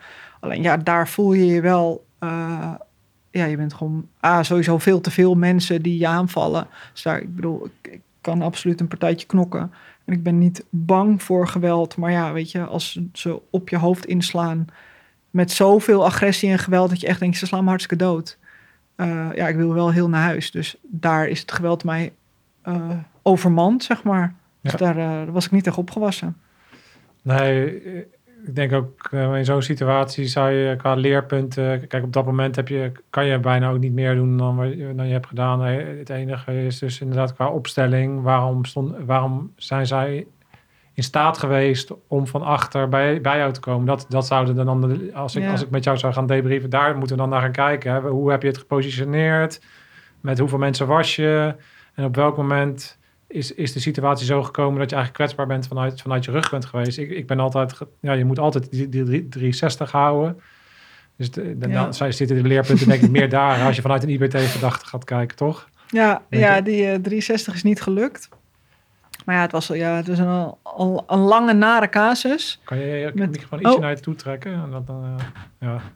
Ja, zo. Squeak, squeak. Ja. Ehm, ja, daar, daar zitten zeker leerpunten in. Eh, het enige nadeel is dat je dat soort casussen. Wij werken vaak met veel mensen. Weet je, de binnenstad is eigenlijk altijd druk. Dus ik denk, ja, er komt zeker. Kan altijd. eh, het, het gaat denk ik. Je kan trainen wat je wil, maar in de praktijk is het toch altijd eh, net weer anders. En hierbij hadden we ook echt niet verwacht. Kijk, als je al denkt van het gaat escaleren. Dit was echt Ja. zo'n routine, zo'n routine dingetje waar je hartslag niet één slag van harder gaat slaan, zeg maar. Dus het was echt een dingetje dat je denkt van nou, pff, we Oh. spreken die gasten aan. Eh, we gaan ze niet aanhouden, want dat is ook nog altijd een, een overweging. Omdat je dan denkt, als wij nu mensen aan gaan houden, super druk op straat, dan zijn wij weg van de straat. Dus je wil er zijn voor de mensen voor als er heftige dingen gebeurt, gebeuren. Dus ja, dat is een overweging van doe je het wel of doe je het niet. Of stuur je die gasten weg met jongens, je moet je nu echt gaan gedragen. Dat was eigenlijk Het idee. het idee. Ja. That escalated quickly. Maar eh, ja, en uiteindelijk is dat eh, helemaal, helemaal gewoon helemaal veilige kant verkeerd gegaan. Heeft, he- heeft, heeft zo, zo'n casus je dan, beschadigt je dat? Of heb- eh, blijf je daar lang dan mee lopen? Dat je dan dus extra kwetsbaar voelt? Of dat je gaat twijfelen aan of je wel politieagent wil zijn? Of, of andere dingen? Of hoe, hoe, hoe ver werkt dat door? Ehm, dat heeft in eerste instantie lang doorgewerkt. Omdat eh, ja, je toch het gevoel hebt van... Nou ja, in eerste instantie dat je gefaald hebt. Want ik, vaak zeggen mensen van, joh, doe je voorzichtig. En ik, mijn, mijn antwoord is altijd, als iemand me dat app bijvoorbeeld met oud en nieuw... altijd een grimmigere dienst of bepaalde dingen met werk. Ik antwoord altijd met altijd en een hartje erachter, een geel hartje. En dat had ik die dag ook gedaan met iets met mijn beste vriendinnetje. En toen uiteindelijk eindigde ik in een nekkraag in het ziekenhuis. En dan denk je echt, kut, I fucked up. Ik heb gefaald, want ik ben niet veilig gebleven. En omdat het heel lang doorspeelde, de eerste, was het vijf weken thuis met, eh, met een hersenschudding. Ja, je komt het ziekenhuis uit met een, oh ja, dit, deze klachten kan je allemaal hebben. Nou ja, die kon ik allemaal afstrepen. Dat ik dacht, oh kut, nou ik heb dus wel echt een heftige hersenschudding. En uiteindelijk in week vijf ging dat langzaam beter. Eh, toen dacht ik, oh ja, het gaat echt best wel goed. Dan werd ik van buitenaf gewaarschuwd door mensen van... maar je moet echt wel opletten met mentaal hoe het met je gaat. Ja. En dat je niet bang wordt op straat. Ik zat bijvoorbeeld vaak in mijn eentje, zit nog steeds gelukkig, klopt af. Eh, in mijn eentje op de fiets buiten, vind ik lekker op de wallen fietsen, contact met iedereen en alles. En iedereen had, was me aan het waarschuwen voor het mentale gedeelte, als je maar niet bang bent om, er, om te handelen. Dus ik ging uiteindelijk, dat ik weer naar buiten ging, was mijn eerste dienst, zei ik ook tegen Joyce, van dienst, ik zeg, ik ga op de fiets naar buiten. Ja, moet je dat nou wel doen? Je- de eerste dag, ik stond nog boven de sterkte, gepland, dus ik kon eigenlijk doen en laten wat ik wilde. En ik dacht, nee, dit moet ik doen, want ik moet weten hoe ik me voel in het uniform op het werk. Voel ik me goed op straat? Nou, ik ging de straat op, ik was helemaal in mijn element, alles ging goed. Dus ik dacht, yes, I'm back, ik heb helemaal nergens last van. Tenminste, mentaal niet. En langzaam sudderde het door, kreeg ik vage klachten. Eh, ik haalde woorden door elkaar, ik kwam niet op woorden. Ik had concentratie-issues, ik had gigantisch veel hoofdpijn. Uiteindelijk ga ik naar de huisarts. Ik zeg, joh, eh, hier heb ik last van. Ja, dat zijn restklachten van je hersenschudding. Dat hoort er allemaal bij. Ik dacht, nou, oké, top. We gaan weer door met leven. En dat er maar aan en dat zeurde, en uiteindelijk eh, werd ik er ook onzeker door. Toen haalde ik woorden door elkaar. Ook een van de redenen dat ik podcast trouwens eng vind. Dat ik dacht, straks kom ik totaal niet uit mijn woorden. Of brabbel ik maar wat. Ehm, nou ja, toen zei de huisarts van... Nou, we kunnen voordat je daar bang voor wordt... kon ik cognitieve gedragstherapie krijgen. Dat was tijdens corona uiteindelijk. Zat ik met digitaal met de psycholoog... eh, moest ik bepaalde dingen invullen. Het hielp best wel goed, want al vrij snel dacht ik van... ja, wat de fuck maakt het ook uit als ik ergens over struikel? Dan gaat niemand aan dood. Dus dat had zijn effect. Ehm, alleen ik bleef last houden van allerlei vage fysieke klachten. En eh, uiteindelijk kwam de rechtszaak. Dit is echt achterlijk lang heeft het geduurd. Van maart 2019 eh, kwam de rechtszaak uiteindelijk in december, eh, september 2001. Ik ben even de datums kwijt, sorry. Maar eh, in ieder geval. Komt door het hersenletsel. maar eh, zo makkelijk kan je als excuus gebruiken. en eh, toen kwam die rechtszaak. Dus stort ik als een kaartenhuis in elkaar. Gewoon mentaal. En toen ben ik naar de leiding gestapt van jongens, ik heb hulp nodig. Het gaat niet goed met me. Mijn leiding heeft me super goed geholpen. Ik ging een traject in. Alleen daar kwam uiteindelijk eh, niet bij dat ik mentaal iets had. Zeg maar, ik had geen PTSS of iets in die, trant, gelukkig. Eh, maar dus dat ik daadwerkelijk fysieke klachten had, omdat ik niet aangeboren hersenletsel heb. Nou, toen kreeg ik die diagnose daar. eh, nou, daar praat ik nu voor het eerst openlijk over trouwens. Dat heb ik nog niet echt heel erg op mijn social media gedeeld of iets. Maar toen kreeg ik de diagnose niet aangeboren hersenlets- hersenletsel. Eh, nou, toen zakte mijn wereld echt totaal in elkaar. Want eh, met niet aangeboren hersenletsel moet je met allerlei dingen rekening houden. Eh, ik kreeg ook per direct het verbod op nog nachtdiensten te mogen draaien. Eh, dat was voor mij, ik vind de weekendnachtdiensten het aller, allerleukste wat er is op de wereld. Dus dat doet me tot op de dag van vandaag pijn. Ehm, ik ga niet janken op, op jouw podcast, dus dat gaan we niet doen. Maar ehm, toen ik die niet meer mocht draaien en daar uiteindelijk een heel klein beetje aan gewend raakte, toen merkte ik wel echt, denk, oh, het maakt wel echt heel veel verschil in hoe ik me voel als ik goed op mijn rust let, goed op mijn slaap let, niet die nachtdiensten. En hoe leuk ik ze ook vind. Ze, ja, het schijnbaar is het voor beschadigde hersenen echt heel erg slecht. Dus ja, of het impact heeft gehad, ja, vergaande impact. Ja, wauw. Ik loop ook eh, met een eh paracetamol om mijn nek. Ik heb in die periode zo gigantisch veel pijnstillers geslikt... dat ik mezelf een gouden paracetamol eh, van Romina Hermans in Rotterdam cadeau heb gedaan. Gewoon als symbool dat ik dacht, ik heb al deze shit eh, een soort van een plekje gegeven. Ja. Dus ja, dat eh, geweld van even een paar, een paar natte tosties die me helemaal in elkaar hebben gerost, ja, dat is ver gelopen. En ze zijn ook nog eens heel shit gestraft. 180 en 240 uur taakstraf. heel fijn, bedankt. Ehm, en anderen zijn trouwens niet gepakt. En een minderjarig is vrijgesproken. Die was niet minderjarig, maar die heeft zich voorgedaan als minderjarig. Dat kan namelijk in Nederland. Ehm, dus ja, dat geweld heeft heel ver gegaan. En eh, de eerste twee gedeelten staan in mijn boek. En in boek twee eh, ga ik zeg maar het eh, niet aangeboren hersenletsel gedeelte nog opschrijven. En Ja. dat is zeker wel therapeutisch. ja, dat geloof ik. Ja, wat heftig. En eh, ook, ja, ik vind het ook echt triest om te horen. ja, En, ehm, het is ook triest. Ja, het is gewoon echt triest. Precies wat je, wat je zegt. Dat dat dan, eh, dat het dan zo'n effect heeft. En dat Ja. vind, ik, vind ik echt heel rot voor je. Maar het gaat wel goed met me hoor. Ik I kan know. inmiddels, ik ben bezig met er allemaal goed mee om te gaan. En het gaat wel goed. Ja, Met vallen en opstaan. ja. Maar, dat neemt niet weg dat ik het gewoon rot vind. Ja, dan- nee. Ik, ja, ik zie ook wel, jij, jij, jij vindt wel weer je weg. En eh, ik heb daar juist Ja. heel veel bewondering voor. En daar halen andere mensen ook wel weer inspiratie uit. Weet je, dat is ook gewoon hoe het leven soms loopt. Soms, ik moet een beetje denken aan, gisteren zag ik weer dat filmpje van die man die dan die trap oploopt. En dan die elke keer naar beneden valt en dan weer omhoog komt. Ken je dat filmpje? Ja, Ja, dat, dat, dat, dat, is- dat is zo'n ding. Ja, Ja. Weet je, dan denk je dat je alles voor elkaar hebt en dat alles goed loopt. En je Ja. bent gepassioneerd in je vak en je hebt eh, leuke mensen om je heen. En je bent bezig met mindset en alles gaat goed. En Nee. ineens eh, krijg je eh, een of andere Ja. met zijn vriendjes die dan, die het, waardoor het toch weer anders loopt.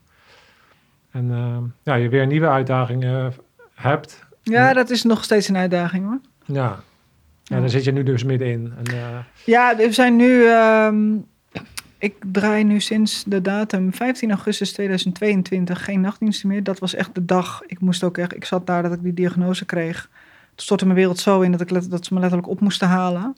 Mijn, mijn eh, zorginspecteur die heeft me opgehaald samen met een collega. Nou, ik was echt. Ik was helemaal weg. Ik was echt eh, mentaal, fysiek, alles uitgetuned. Gewoon. Ik een hap door mijn keel en maar huilen, huilen, huilen, huilen, huilen. En vanaf daar ben ik weer gaan bouwen, zeg maar. Dus een beetje rock bottom. eh. en ja, dat zit ik nu nog middenin. Want ik heb nog met enige regelmaat... bijvoorbeeld Actie Bert bij ons. Die komt ook in het boek voor. Werk in Burger, in de nachtdienst. Op, al dat, eh, op alle overlast en dealers en zo op jacht en zakkenrollers. Vond ik echt het mooiste wat er was. En eh Actie Bert is vernoemd naar die collega. Een van de collega's dus die me zo gemotiveerd heeft voor het boek. Dus extra pijn. En... ehm, ja, dat je daar dan, dan ga ik bijvoorbeeld op de zaterdagmiddagdienst om 11 uur eh, ga ik naar huis. En dan is die nachtdienst, eh, die gaat lekker aan de bak. En dan denk ik, oh my lord, wat had ik er graag bij willen zijn. Dus ja, de pijn omdat, eh, ja, dat voel ik nog steeds regelmatig. Een vriendin van mij, eh, eh, collega Christina heet ze in mijn boek. Die eh, is dan heel actief daarin. En af en toe dan vertelt zij mij haar verhalen. En daar ben ik super trots, hè, want zij is super goed in het burgerwerk. Echt een waanzinnige collega. En, het- en dan, ik gun het dan haar heel erg. En dan voel ik toch de pijn van, maar ik had het ook willen doen. Dus er zit ook ja, een soort van, soort van steekje nog jaloezie zelfs wel in. Jal- Jaloezie? Jaloezie? Shit hoor trouwens. Maar ja, dat zit er ook. Daar zit heel veel achter. En het is een Ja. proces om dat eh, om te accepteren. En de ene keer gaat het beter dan de andere keer. Dus gelukkig maak ik in de ochtend en middagdienst ook nog leuke dingen mee. Maar ja, die nachtdienst in het weekend, dat, eh, dat was hem toch wel echt. is, is dat vooruitzicht helemaal weg? Of is, is, is, is er nul verbetering in? Of, of hoe, hoe werkt dat? eh? Eh nou, je hersenen. Ik ben heel- helemaal in de je hersenen. helemaal- je ik ben helemaal ingedoken. Ik ben helemaal ingedoken met podcast, noem het allemaal op, boeken. Je kan zeg maar, dat wat niet meer werkt, werkt niet meer. Maar je hersenen kunnen wel nieuwe verbindingen maken. Dus zelfs hoe wire together, fire together. Of omgekeerd. Dus ze kunnen wel nieuwe verbindingen maken. En ehm, dat kan onder andere nieuwe talen te leren, allerlei nieuwe dingen te doen. eh, door je hersenen dus zeg maar te prikkelen. En ik hoop dat het in de loop der tijd allemaal verbetert. Dat, er misschien, dat ik misschien ooit kan zeggen van jongens, mag ik nog een keer eh, dit hele onderzoek opnieuw doen. Kijken of er verbetering in zit. Kijk, dat wat beschadigd is, is beschadigd. Dat kun je soort van afschrijven. Maar je kan er wel omheen werken. Het enige nadeel is dat zeg maar nachtdiensten heel slecht zijn voor beschadigde hersenen. En ja, dat je dus zeg maar, je weet nu hoe het is, maar het kan dus wel verslechteren. Ja, de Lieke van nu, dat is zeg maar grootste issue ook met de ergotherapeut. De Lieke van nu moet aan de Lieke van de toekomst denken. Maar ik heb heel makkelijk bij mezelf, als ik me nu goed voel, en omdat, omdat ik dus alles heel goed doe, op slaap, op tijd naar bed, eh, goed op mijn slaap letten, op mijn rust, op beweging, sport, voeding, eten, eh, nou, zelfs mediteren. Allerlei dingen let ik goed op. En als ik dat allemaal heel goed doe, dan denk ik, ah yes, de Lieke van vroeger, die is weer terug.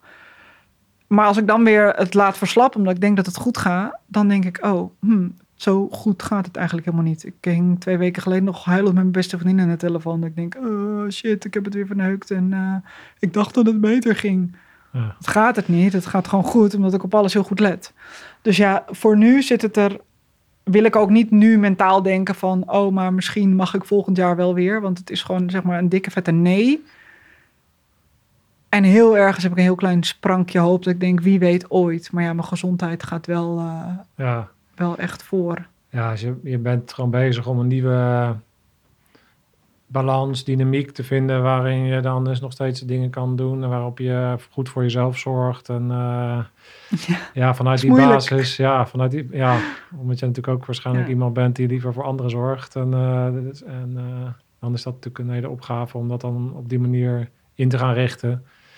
Ja, ik hoop gewoon dat je, dat je daarin weer een bepaalde stabiliteit vindt en dat het dan, ja, dat er verbetering in komt. Dat, eh, dat gun ik je van harte. Dus ik Dankjewel, hoop- Ik hoop ja. dat dat, eh, Work in progress. Het is een work in progress. ja, maar gewoon maar weer zien als een, eh, als een volgende uitdaging. Ja. En, Dat poppetje op de ladder, dat moet weer omhoog. Nee, het gaat oprecht nu best wel goed. Het is niet.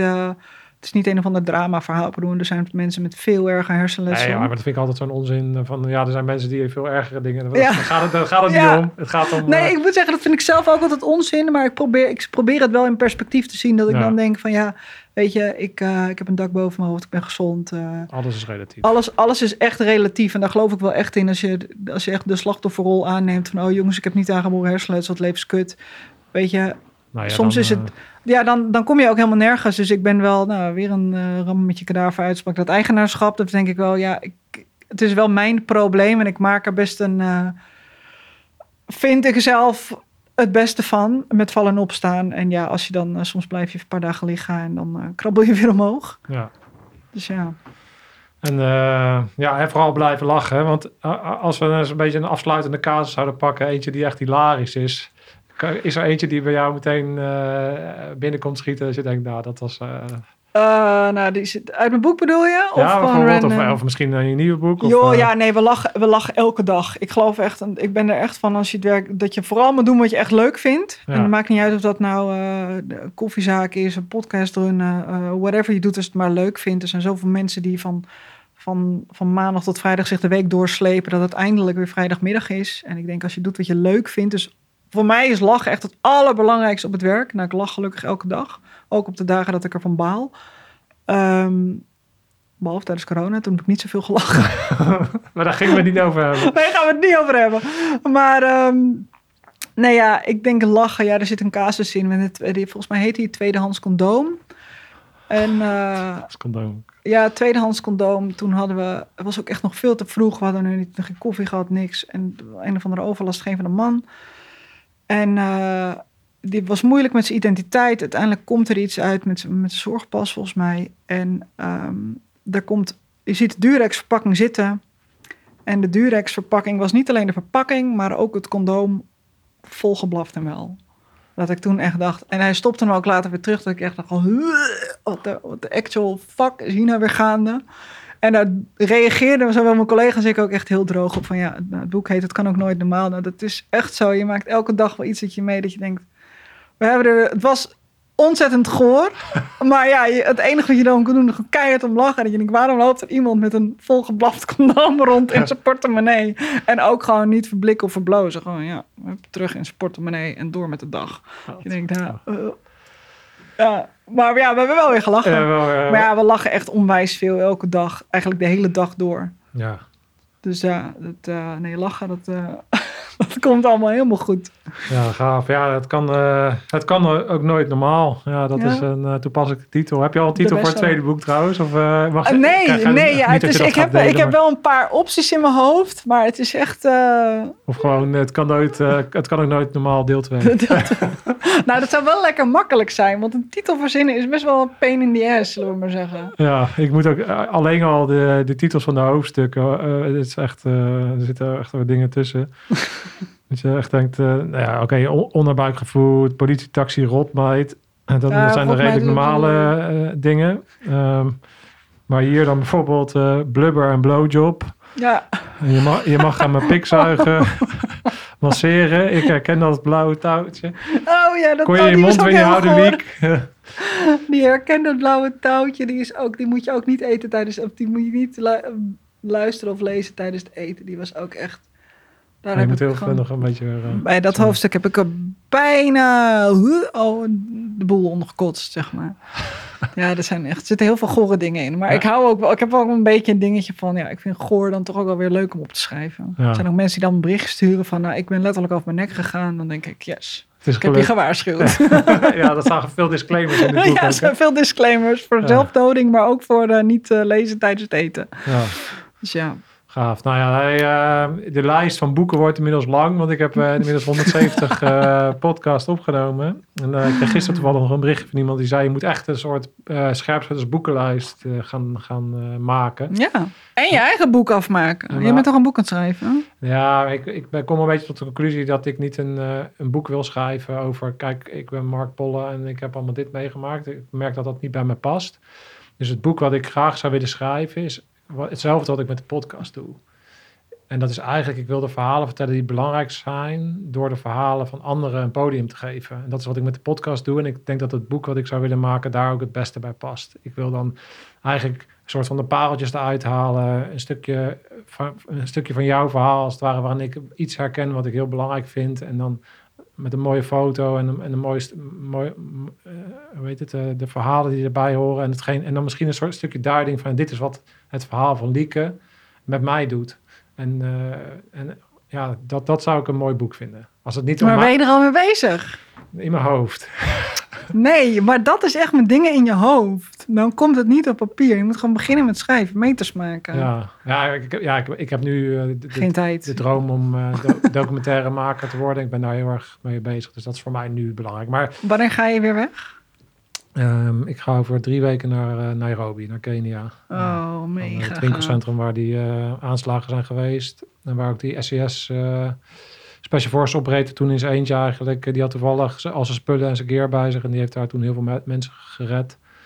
En, ehm, Ga je daar ook wat mee doen? Of nou, ik ga niet? dat verhaal, eh, met name, we gaan naar de plekken toe waar die dingen gebeurd zijn. Maar ik ga, eigenlijk, ik ga iemand eh, volgen die eh, traint honden.